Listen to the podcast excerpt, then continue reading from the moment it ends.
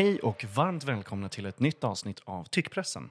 Tyckpressen är Dagens ETCs ledarpodd där jag, Max V Karlsson, tillsammans med inbjudna gäster eh, stöter och blöter och pratar om det som är rätt och riktigt, eh, det som är kul och tråkigt, men framför allt kanske vad som är bra och dålig politik. Ehm, det här är ett till avsnitt där jag inte sitter i vår eh, vanliga studio, eh, men jag sitter i, i de härliga redaktionslokalerna i alla fall. Och med mig har jag två stycken returning champions som gäster. Varmt välkommen Göran Greider.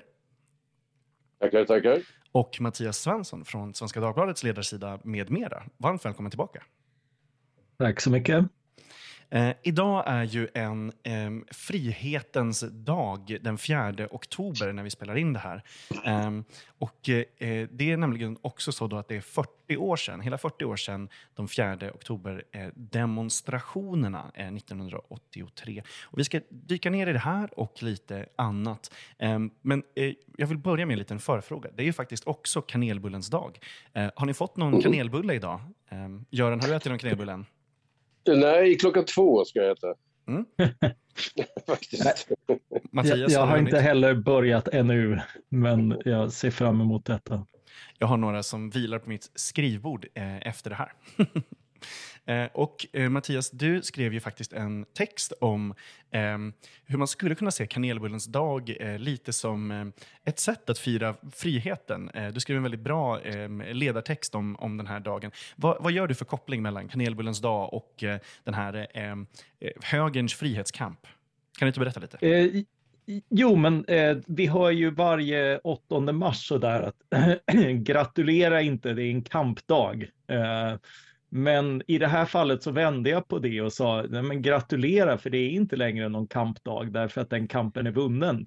Uh, och, och då är det ju, då firar vi ju istället, kommer ju någon, någon uh, närig typ på att introducera kanelbullens dag istället för, för mer försäljning. Och vad kan mer illustrera den segern än, än, än ett sådant litet skamlöst kampanjtrick? Verkligen. Mjöllobbyn, eh, Big Mjöl tog sig in och, och, och, tog över den här dagen.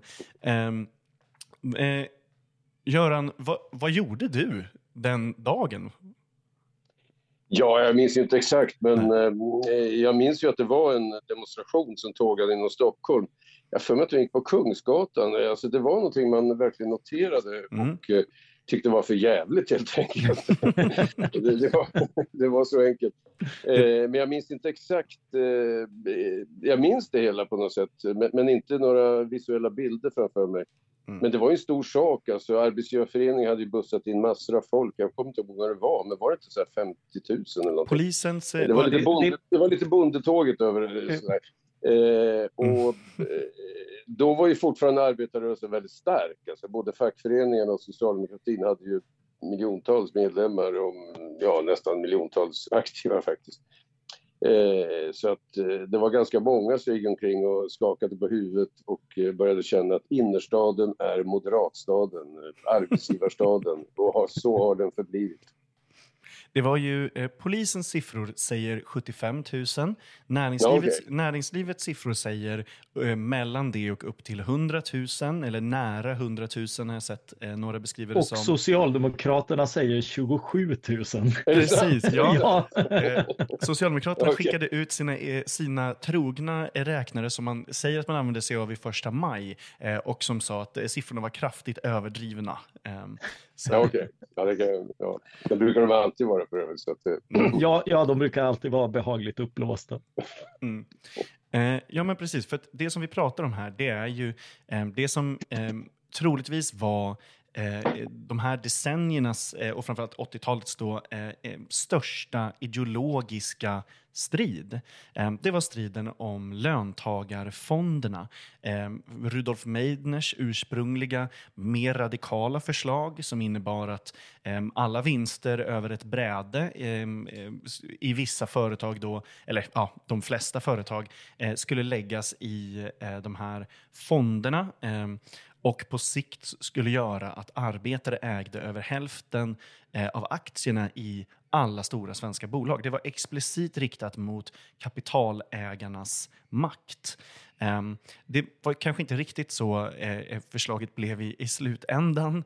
Ehm, Eh, och istället så blev det så att det här blev den, eh, eller det har beskrivits som den stora striden om vilken väg Sverige skulle gå mot mer socialisering eh, och den kollektiva makten och marknadskontrollen eller då mot ehm, individualiseringen, mot ehm, privatiseringar också och marknadslösningar på ett helt annat sätt. Ehm, och den här dagen då, den här stora demonstrationen, då tågade de här människorna från Humlegården till kanslihuset i Gamla stan, eh, förbi riksdagens öppnande. Jag tyckte det var lite sent att riksdagen öppnade 4 oktober, men det kanske var det datumet eh, förr i tiden. Eh, men eh, eh, man, så man, man tågade dit eh, i en enorm uppvisning som man sen också upprepade. Man hade ju flera demonstrationer. Det, det är lite bortglömt att man också var i stadion och man fyllde Globen och eh, sådana saker när, när Globen var färdig.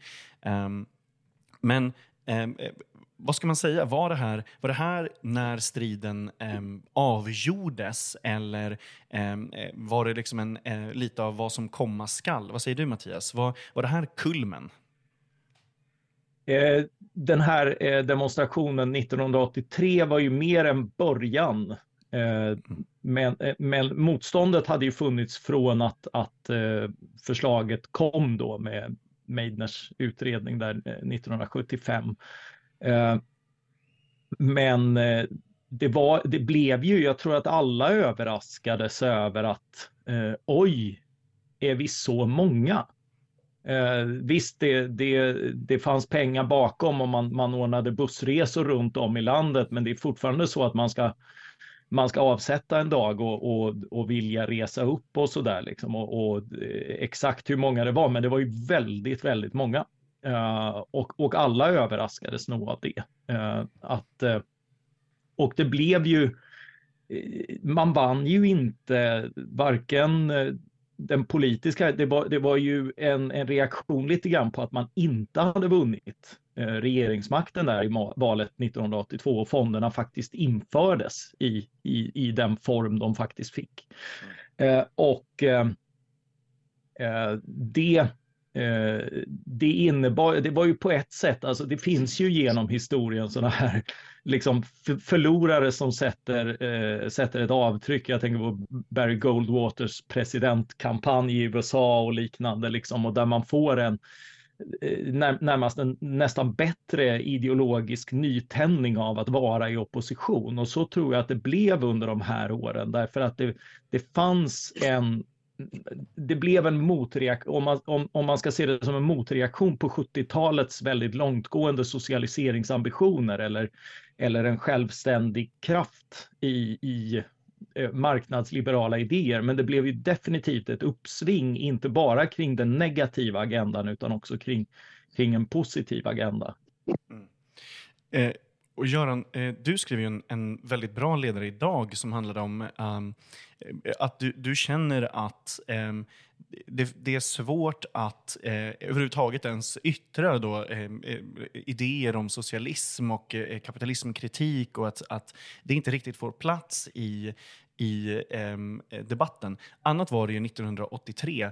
Eh, men vad var det som gick fel där? Var det, eh, var det bara näringslivet som krossade dem eller var det ett soc-etablissemang som tappade eh, kontakten?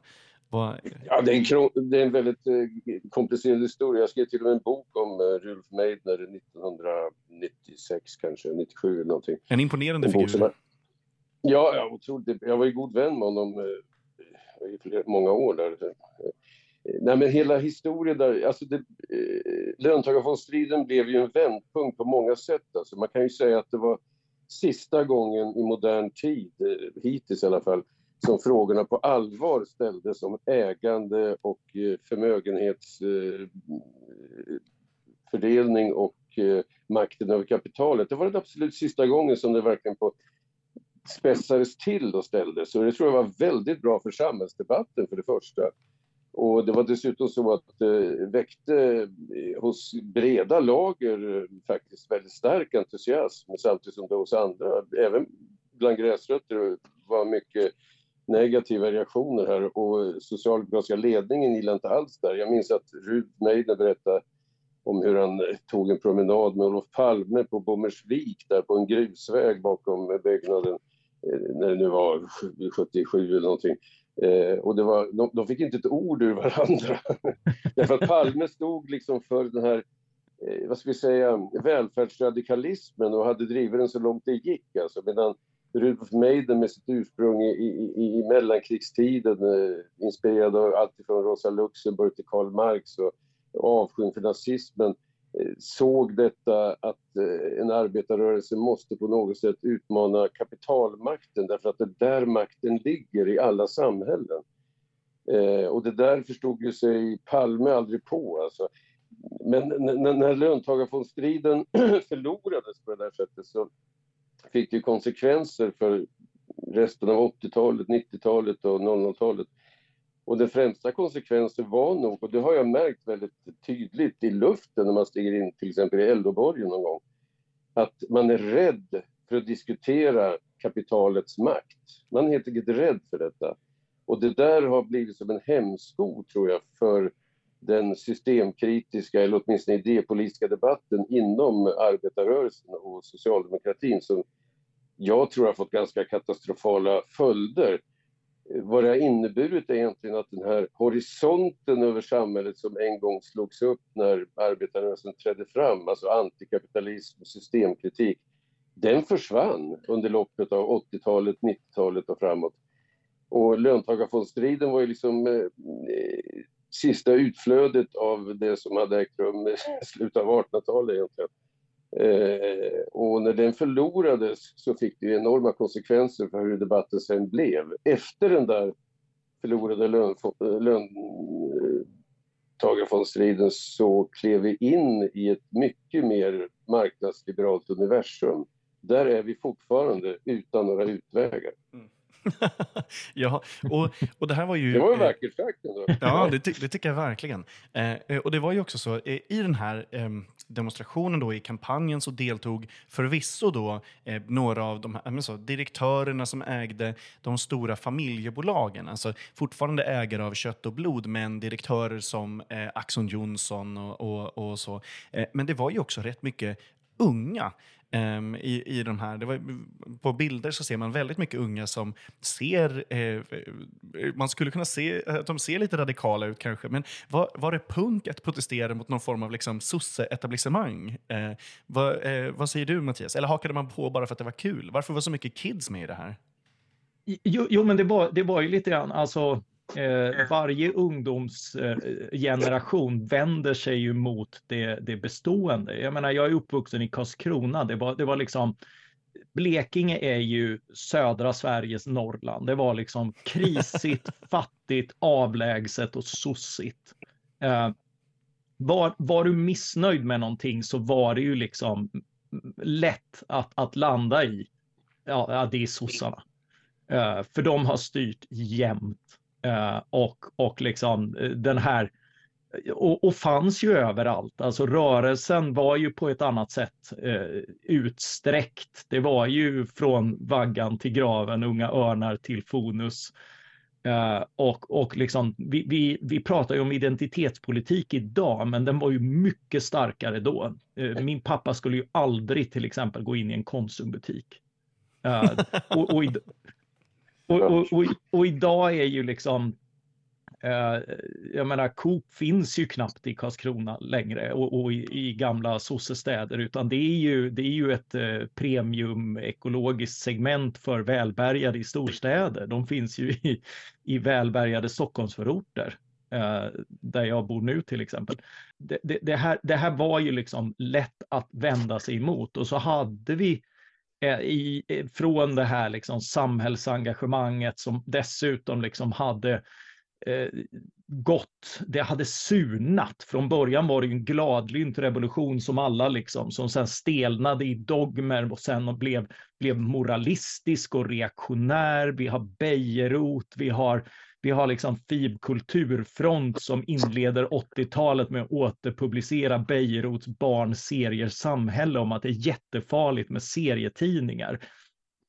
Uh, växer du upp och är ung så är det svårt att lockas av det där. Uh, och, och, och liksom Östeuropa var liksom verkligen, ja, Stalins utrensningar var det ju slut på. Det, ledde, det, det var ju bra på många sätt, men det ledde ju till att alla i de här diktaturerna blev gamla samtidigt. Så det var, det var verkligen geronter liksom. Uh, och, och, och allt detta blev det ju väldigt lätt att vända sig emot. Och vilka var det då som formulerade alternativet? Jo, det, det, var ju liksom, 80-talet blev ju en sån där, eh, ja, men, eh, när, när ekonomin till slut tog fart eh, så blev det ju lite fräsigt att hålla på med aktier och sånt där. Det, Visst, och yuppieväldet. Ja. Ja, exakt. Och, och liksom hela, hela modet var ganska präktigt och ärtigt. Sådär. Att, att satsa på sig själv, att, att utbilda sig för sin egen skull. Du har också ett roligare uteliv som jag har ju skrivit en del om i, i, i mina böcker om förmynderi och sådär. Det handlar, ju, det handlar ju väldigt mycket om att den stora 40-talistgenerationen som druckit mellanöl eller, eller algeriskt vin, eh, de börjar ju få pengar och jobb, så de efterfrågar ju liksom restauranger och sådär och på det sättet får vi eh, Alltså det var, eh, det, det, var ett samhällsklimat som, eh, som var gjort för eh, höga yrkesambitioner, eh, studieflit, karriärer, eh, och, eh, och nöjen. Och, och, och, det, gick, det gifte sig rätt bra med, med, med, med liksom ett uppror mot både socialdemokratin och, och socialismen. Ja, men jag tror definitivt det fanns en, vad ska vi kalla det för, utopisk trötthet i slutet av 70-talet, början av 80-talet. Så var det definitivt. Alltså, det var också ekonomiska kriser som hade passerat och dragit genom västvärlden, vilket eh, tagit knäcken på ganska många. Eh, så var det definitivt. Men man ska inte glömma bort att mycket av den här omställningen i politisk agenda som ägde rum under loppet av 80-talet handlade om pengar. Det handlade om Timbros ökade inflytande, det handlade om väldigt mycket mer av Eh, vad ska vi säga, eh, ja, opinionsbildning och sådana saker. Och jag tror att, eh, alltså jag var ju fortfarande ung i början av 80-talet. Inte fan var jag intresserad av dina idéer då, inte minsta. Och inte mina vänner heller. Utan vi hade jätteroliga fester bortom all statlig kontroll i varenda hörn av Ja, först ja, du ser, det nådde dit också. Först Vingåkern i Stockholm, där vi dryftade våra socialistiska idéer väldigt bra. Så att jag, tror att, jag tror att det är mer så att eh, Svenska arbetsgivarföreningen, SAF som det hette på den tiden, Timbro och en massa andra instanser faktiskt eh, tack vare också en försvagad socialdemokrati så här, lyckades kapa delar av ungdomen, framförallt eh, eh medelklassungdom och sådär. Medan det snarare blev så bland arbetarklassens ungdomar att man helt enkelt blev mer apatisk och mindre intresserad. Och oorganiserad. Förlåt? Ja, oorganiserad. Alltså, det var ju då man började säga, ja, politiskt, man började säga politiskt ja. apatisk då istället för oorganiserad. Och det är bara det ett skifte hos socialdemokratin. Ja, nej, men så är det ju faktiskt. Alltså det, nej, jag tror att eh, det faktiskt... Eh, alltså det finns, hur ska jag uttrycka det, världshistoriska förklaringar till att saker och ting blev som det blev. En, avmättning, en avmattning av alla utopiska energier över hela västvärlden och istället fick vi utopier för ja, överklassen skulle jag vilja påstå. Och de blev väldigt starka för de hade gott om pengar också. Och det var ju detta vi bevittnade. Själva glädjen över att leva och finnas till bortom eh, allt vad stat och organisationer hette, den fanns ju bland ungdomar ändå. Liksom. Man hade inte så mycket med det där att göra. Så jag tror att eh, Mattias eh, försöker skildra sin egen personliga utveckling som ett samhällsfenomen. Och jag tror jag överdriver. Jag tror, jag tror att det, det, ja, det, det, var ju enda gången jag varit hjälpligt i fas med någon slags utveckling. Okej, okay. ja, men det försöker vi ju alla göra. Vi försöker tro att våra egna öden är liksom, eh, speglingar av eh, världshandelns rörelser under vattnet. Men så är det inte riktigt ändå.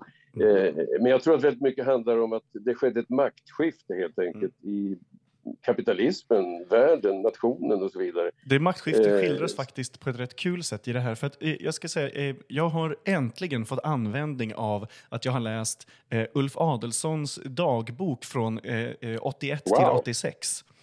Eh, ja, eh, och det är, faktiskt, eh, det är faktiskt härlig läsning för att han skriver ehm, lite likt ehm, Annie Lööfs anteckningar om sina forna regeringskollegor så skriver han om Mhm. eh, människors ehm, eh, sinneslag och, och att så, någon kan uppfattas irriterad och så eh, skriver han ka, eh, den här personen kanske inte har ätit frukost och sånt där. Han skriver liksom, eh, ja, men bra dagboksanteckningar. Men då är det ju nämligen så att 4 oktober inte bara var de här demonstrationerna, det var också Ulf Adelsohns födelsedag. Eh, Jaha, det ser jag. Eh, och, Ja. eh, och så då, för den 4 oktober finns ingen dagboksanteckning, men för den 5 oktober så finns det det. Och, Mm. och då berättar han om dagen innan, han berättar om ehm, hur han hade haft på kvällen ett möte med Palme om sovjetiska ubåtskränkningar och så hade de pratat lite om det här också. Ehm, och, eh, och pratat om att eh, han tycker att Palme verkade vred och, och, eh, eftersom han inte mötte massorna och att han, han var väldigt besviken över det här. Och han var besviken över att hans bror Klas också gick i tåget eh, eh, som ett sätt att håna honom. Eh, men ja, då, ja, och även Meidners eh, barn och Mm. Vuxna barn gick i tåget. mm, Ja, men Nej, precis. inte alla tror jag. Nej, inte alla, men några. Nej, det var lite olika där. Jag har ju Ja. träffat dem, Mm. flera Ja. stycken där. nej, men, Eh, då, Maiden gick i alla fall inte i tåget. Nej, nej. nej. men men, men ba, vuxna barn och barnbarn Mm. ska tydligen ha förekommit. men Ja, då någon säger där, också... väldigt... ja. För då Ja. säger Ulf Adelsohn att han eh, också då hade ett möte med, inte Sture eh, Eskilsson, utan någon annan från SAF, eh, på, eh, som han hade ett möte med på kvällen där också. Eh, och som, eh, de kände ju verkligen luften under sina vingar, eller snarare så jetbränsle till sina flygplansmotorer. De kände att det här var en enorm vinst, att man var verkligen på gång. Och så frågade man Ulf Adelsohn om, om Moderaterna kunde hjälpa till ännu mer, framförallt i att pressa Folkpartiet, så att de aldrig skulle våga schappa, så att de verkligen skulle hålla sig Mm. i, i linjen. Och, men då sa, eller Ulfs svar till SAF, det var att eh, när ni på en enda demonstration kan lägga mer pengar än vad vi gör på ett helt valår, då är inte vi lika starka. Eh, så att han, vill, han menade att eh, det fanns en storleksskillnad där i att eh, Moderaternas del i den här kampen var futtig jämfört med hur mycket pengar man hade eh, eh, ja, men allokerat till det här, riktat i den här spjutspetsen som den här kampanjen var menad att Ja, men man vara. kan ju, alltså det där, ja, det där, det där beskriver väldigt väl att vad den där konflikten handlar om, eh, som hade rötter djupt i frågor om solidarisk lönepolitik. Alltså det är en my- mycket mer trasslig historia alltihop. Det Mm. handlar helt enkelt om hur maktbalansen mellan arbete och kapital skiftar fullständigt. Eller börjar skifta ganska kraftigt då. Eh, och det tar sig uttryck i, i framförallt, inte, inte minst i det 4 oktober-demonstrationen. Alltså, Mm. För det handlar väldigt mycket om pengar. Men, och det är det som är fascinerande. Alltså jag rekommenderar verkligen folk att läsa den här ursprungliga bo, lilla boken som Rudolf, skrev, Rudolf Meidner skrev där om, och, och, om löntagarfondsfrågan. För det handlar om den här centrala, vem äger saker och ting i det här? Vem äger kapitalet? Vem har makten över det? Mm. Det är de där frågorna som är helt utraderade i offentlig debatt, vilket är det är en katastrof för alla egentligen, därför att vi förstår våra samhällen sämre om vi inte har den frågeställningen i bakhuvudet. Och den har skyfflats undan, ja egentligen av 40 års eh, marknadsliberal dominans i debatten och det är inte bra, skulle jag påstå, för någon. Vad tycker du Mattias? Eh, Ska vi prata mer, tycker du också att liksom, debatten hade gagnats mer om vi eh, pratade mer om ägare och liksom, intressen och kapital? Eh, ja, alltså, det, blir lite grann, eh, det, det är ju rätt talande, för Göran har ju brett ut sig om den här metakverulansen nu i åtta spalter på, vara- på varenda kultursida. Så det är ju inte så att möjligheten har saknats att faktiskt föra debatten istället för att klaga på att den inte har förts. Eh, Jag har men- fört men- personligen, det är inte det, utan jag menar bara att eh, vilken eh, partiledardebatt du än lyssnar på i tv eller radio eller någonting så är de här frågorna av systemkritisk natur helt utraderade. Det är Mm. ett faktum alltså. Vad skulle du De säga dyker Mattias? upp- Ja. Ja, det, det gäller ju i så fall åt båda hållen. Eh, alltså en av, en av frågorna vi fick när, eh, in, inför det här programmet var vad vänstern kunde lära. Precis, Eh, och en sån här- Mm. Erfarenhet. Eh, jag har ju läst eh, Rickard Westerbergs korta historik som har kommit nu om, om 4 oktober och sådär. Eh, och det är ju talande att det, det är två gånger som eh, som näringslivet mobiliserat och, och nått, eh, nått opinionsgenomslag eh, genom, att, genom att formulera ett alternativ till socialdemokratin. Och båda har då handlat om långtgående socialiseringsambitioner. Alltså det är ju efterkrigstiden, efter andra världskriget, när vi har en del eh, Myrdal och andra statssocialister vill liksom fortsätta med, med liksom krigstidsransonering och, och regleringar för att ta över näringslivet. Då, då, formuleras ett motstånd och valet 48 blir förvånansvärt jämnt. Eh, och, och sen här igen i, i början av 80-talet när, när fondstriden blir stor. Eh, och det är ju egentligen de gånger som socialdemokratin har gått ifrån den här eh, den här reformistiska linjen som, som också Palme drev, precis som, som Göran säger. Och det visar ju hur, eh, hur enormt grundmurad den är. Eh, den, den sitter ju fast långt in i de borgerliga partierna. Det, det enda man fick var liksom att, att man fick in, eh, ja, vi, vi, ska ha offentlig finansiering av, av allting precis som idag men, men kanske lite alternativ på, på marginalen där så att, så att privata företag kan komma in och, och leverera ett par av tjänsterna. Så där. Det, var, det var liksom i, i stort sett det hela. Uh, och och, eh, och, och, och det, det, visar ju å andra sidan hur, hur snäv den här, den här åsiktskorridoren kring vilka system vi vill ha och vad man kan vad man kan tänka kring också är att, att vi inte ens kan, eh, kan, kan föreställa oss att ja men, ja, men precis som vi får marknadernas dynamik, utveckling och, och att en bil är någonting helt annat idag än, än vad det var för några decennier sedan och kommer att vara eh, någonting helt annorlunda i framtiden, inklusive bränslen att, att vi inte har den utveckling inom, inom offentliga verksamheter. Det har ju förvisso en del med att det är tjänster att göra, så, så det är lite annorlunda, men också, också där eh, och, och, det är ju också frånvarande mm. eh, i debatten och väldigt svårt att, att, att föra in. Eh, så, så jag kan väl sakna, sakna en mer systemkritisk ansats från, från mitt andra håll. Jätteintressant. Göran, vad, Göran, vad, vad tycker du, eh, vi ska gå vidare till nästa fråga också, men eh, vad tycker du mm. att vänstern kan lära av 4 oktober-demonstrationerna, om något, alltså dagens vänster? Ja, för det första är det nog detta att det är otroligt viktigt att bibehålla den här idépolitiska horisonten. Jag har inget bättre ord för det, men... Alltså, Lite uthållighet kanske? Ja, det kan man väl också säga. Ja, uthållighet, det behöver vi i alla möjliga situationer. eh, inte minst när man läser Svenska Dagbladets ledarsida. ja, ja. men eh, jag har den uthålligheten så att det är inga problem. Jag med. Eh, eh det måste man ju ha. Nej, men eh, jag säger det därför att jag märker ju detta att eh, jag möter ganska många människor hela tiden då som faktiskt saknar just det här vi kan kalla det för nästan väckelsemomentet i politiken. Alltså vad är det som får oss att rycka till? Vad är det som får oss att se plötsligt saker och ting lite annorlunda ljus? Och för ena halvan av befolkningen eller väljarkåren så är det just de här grundläggande demokratiskt socialistiska idéerna. Att arbete är lika viktigt som kapital, att eh, ekonomisk demokrati eh, är en viktig sak. Alltså alla de där frågorna finns närvarande fortfarande men de blir icke förlösta eller uppväckta av eh, ledande politiker på vänsterkanten. Jag brukar säga, alltså, det är väldigt konkret, men jag brukar säga att det finns inga agitatorer till exempel inom arbetarrörelsen längre, nästan alls.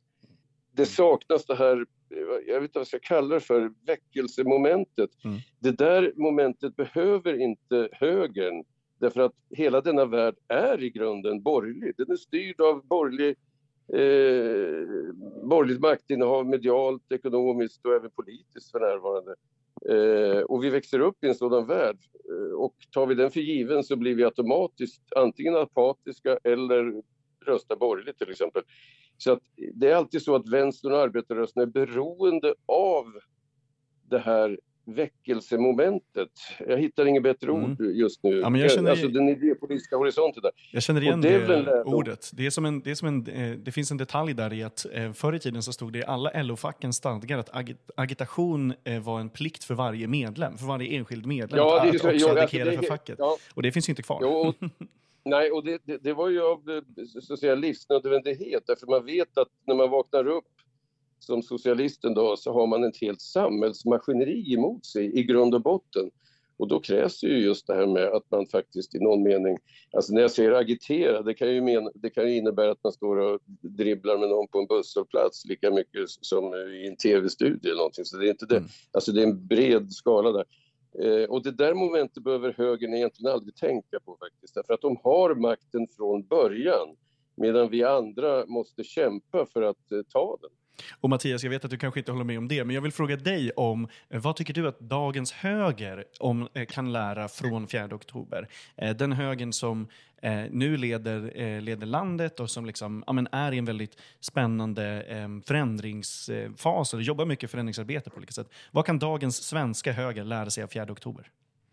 Jo, men det var ju just att man, man var inte bara emot, utan man tvingades att formulera ett bättre alternativ. Eh, och också ett bättre alternativ för löntagare vill jag hävda. Därför att de här fonderna, det var ju liksom, det, det, eh, det var från, fött av folk som älskade den kollektiva kampen. Man skulle beröva kapitalägarna sin makt, man skulle samla den och sätta den i händerna på, på fackpampar och S-folk. Och, och det gjorde man det var, det var liksom den här kollektiva kampen som, som har tänkt att förlösa en massa lovvärda mål och sånt där. Vi vet att, att, att man var förstås inte i närheten av att komma närmare de här målen heller. Eh, fonderna var en eh, sämre än genomsnittlig fondförvaltare. De var alltså sämre än den här apan som kastar pil eh, och de kunde inte känna igen ett tillväxtföretag än som det hoppade upp och bet dem i, i rumpan. Liksom. Eh, det vet vi från det här experimentet också.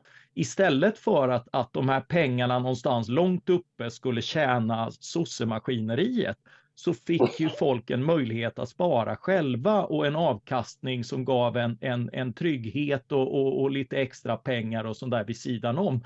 Det, det har ju i all sin stillhet eh, varit värdefullt för, för att liksom låta folk bygga upp en egen trygghet vid sidan om de offentliga eh, systemen. Mm. Får jag säga, skjuta in bara det där? får absolut. Bara kort ja, Nej, men vad du drar ut i här, det är ett stort korståg för individen och individualismen. Ja. Och det förstår jag att du gör. Alltså.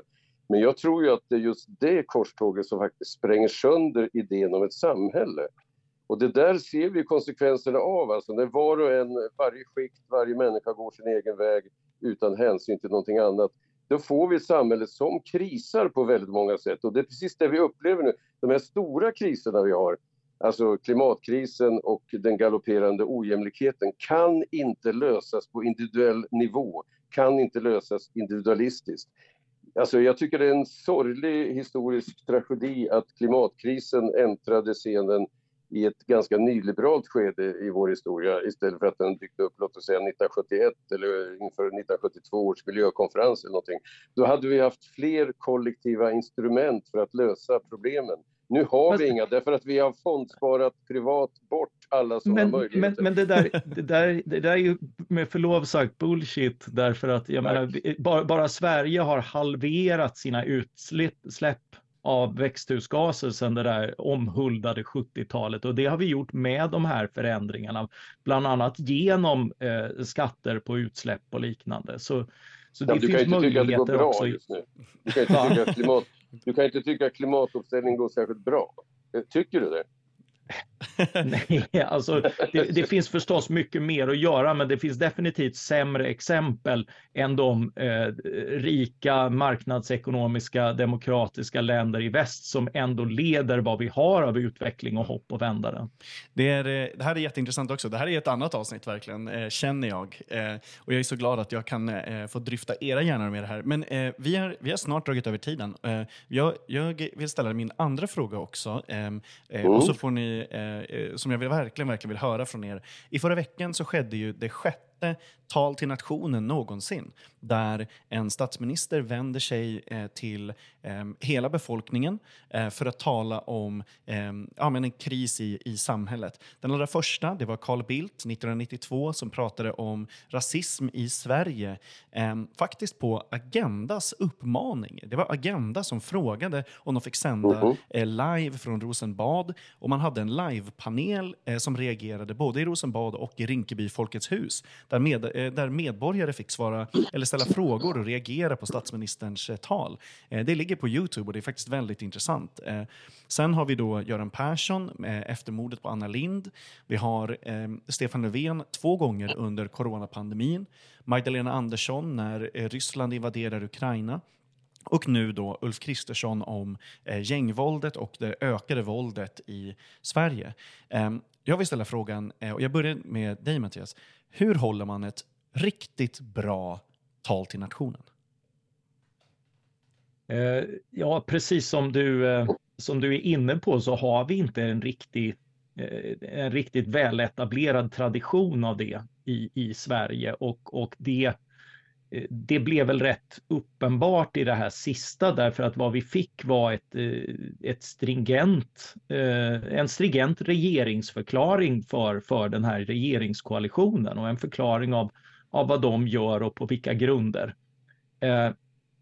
Och det bröt ju, tyckte även många borgerliga, inklusive jag själv, från den, den etik som, som gäller kring de här talen till nationerna. Vi blickar förstås till USA där man har ett State of the Union varje år, vilket även EU nu har imiterat med.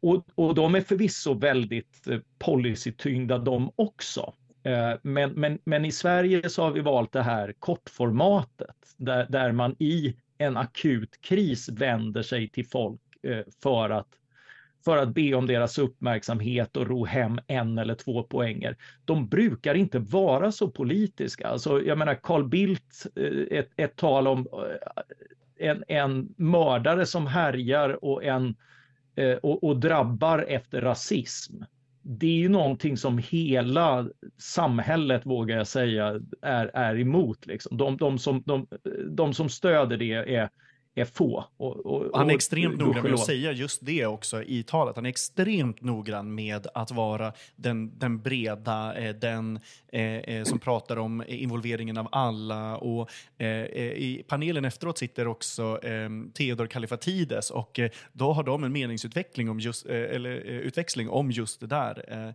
superintressant. Men han är extremt noga med att det inte skulle ses som parti. Han säger inte ens Moderaterna, han säger inte ens regeringen, han säger liksom liksom, eh, vi alla som har ett ansvar i Sverige och så. Mm. Eh, och, och det, är väl, det är väl lite grann formatet för den här typen av eh, händelser och kriser. Sen kan man argumentera för att eh, just kriminaliteten kanske kanske är en annan form av kris med en annan form av lösning som, som kräver en, en, en motsättning mot, mot liksom andra föreställningar om det. Eh, men med, jag vet inte om, om ett tal till nationen är riktigt det, det formatet och, och därför föll det lite platt. Göran, vad säger du? Hur håller man ett riktigt, riktigt bra tal till nationen? Mm, ja, jag tror att det faktiskt är extra svårt i vår tid därför att eh, själva idén om ett gemensamt samhälle är svagare idag än tidigare. Jag vill nog påstå att det är så. Det var roligt att höra Mattias använda uttrycket hela samhället. Det är helt eh, revolutionerande i hans eh, retoriska värld. jag, tycker, jag tycker att människor kan förenas på andra grunder än att någon behöver ja, bestämma över alla andra. Ja, jo, jag eh, nej, men jag tror att det där är svårt. Alltså, man kan... Alltså, eh, det finns ju några... Jag skulle vilja räkna ett annat tal till ett sånt här eh, nationellt tal, men det var inte riktigt. Det var ju riksdagen, det var ju när Per Albin höll sitt folkens tal. Men då handlade det just om hur man skulle få en eh, gemenskap i hela samhället faktiskt. Men det var inte något som gick i tv eller radio. och sådär. Men jag tror att eh, just den här grundläggande svårigheten finns där numera, starkare än någonsin faktiskt. Eh, just att samhället är som det heter i allmänt sett så här polariserat, men framförallt att det är ojämlikt och det är olika bubblor som existerar sida vid sida. Och då tror jag det är svårare att hålla tal av det slaget. Alltså ta bara ett sådant ord som landsfader, det funkar ju inte på någon längre. I alla fall inte på mig. Inte heller landsmoder eller något sånt där. Det är någonting där som är problematiskt helt enkelt. Så, så att jag tror att eh, det här senaste talet som Kristersson höll, eh, jag hade ju inte väntat mig någonting så jag tyckte inte det var så urisigt som det hela tiden betonades. Jag tyckte att eh, det var ungefär, visst jag skulle ha undvikit att klaga på tidigare regeringar och sånt där, det var ju dumt alltså. Men det, var, det är ungefär vad man kan säga, ganska platta tal utan retorisk och litterär verkshöjd. Det är det vi får stå ut med ända tills löntagarfonderna har segrat. eh, jag, eh, eh, det där var alldeles utmärkt. Jag ska eh, släppa iväg er. Men eh, jag vill bara säga en, en, som en rolig detalj med sådana tal så finns det, eh, precis som att eh, public service låg eh, bakom då det här första Ehm, eh, tal till nationen eh, så hade man en eh, exemplariskt dålig idé i SVT eh, för några år sedan. Eh, jag ska ta fram det här på min du har en bra simultankapacitet måste jag säga. ja, tack. Eh, helt helt okej okay, i alla fall. Helt okay. Men, eh, ja, här. Ja, men så här. Eh, ja, men precis som att det var public service då, som eh, bad eh, Carl Bildt om den här första sändningen och faktiskt det var Lars Adaktusson som var programledare i den här livesändningen som var väldigt bra 1992. Ehm, så hade man en kanske inte lika bra idé om apolitiska ehm, partiledartal 2012. Eh, det här var jag tvungen att, att kolla upp och jag tittat på det här då i efterhand. Eh, men 2012 så fick man idén att alla partiledare skulle bjudas in till SVT och hålla jultal. Eh, så, att, så att alla partiledare sitter alltså i SVT 2012 eh, och håller precis sådana eh, jultal som annars julvärdarna gör. Och de är värdelösa allihop eftersom de inte får prata politik. Eh, det, det, jag visste inte om att det, det kommer inte jag ihåg att det var sådär. Eh, och det är fruktansvärt för att det liksom är en, eh, då, eh, till exempel så är ju det här eh, under de tiderna där både Jimmy Åkesson och Jonas Sjöstedt är som sina mest eldiga eh, och man ser hur de verkligen måste bita ihop för att eh, inte liksom, eller för att inte gå över mm, mm. gränsen.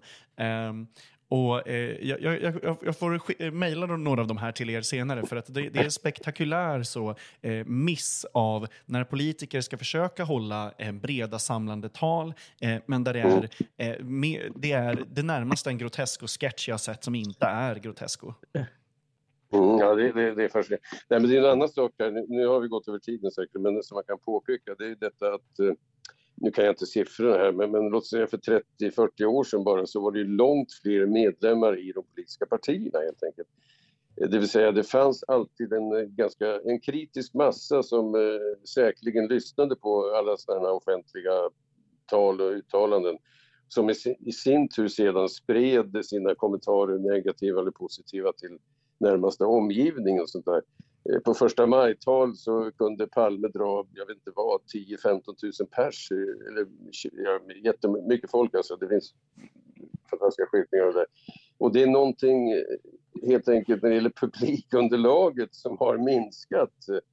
Alltså, det är inte så att ett helt folk någonsin lyssnar på ett stort tal alltså. men om det är en, om det är en viktig, viktigt segment i befolkningen som är ganska stort då, det vill säga medlemmar i politiska partier, så får de här eh, nationella talen lättare vingar. Alltså. Mm. Och det där finns inte riktigt längre därför att vi inte har ett samhälle på det sättet. Vi har nyliberalism. Eh, I wish. ja. ja. Eh, det var ett alldeles utmärkt avslutande ord, tycker jag. Ehm, tusen tack för att ni ville vara med i den här veckans mm. Tyckpressen. Ehm, hej då, kära lyssnare. Tyckpressen är tillbaka redan nästa vecka. Det är bra. Visste du att 90 procent av medierna i Sverige är borgerliga? Samtidigt har extremhögern byggt upp en hel pamflett av propagandasidor. Dagens ETC är dagstidningen som ger hopp och ryggrad att stå emot den blåbruna sörjan. Sveriges enda röda dagstidning för en grönare värld. Testa att prenumerera idag på etc.se.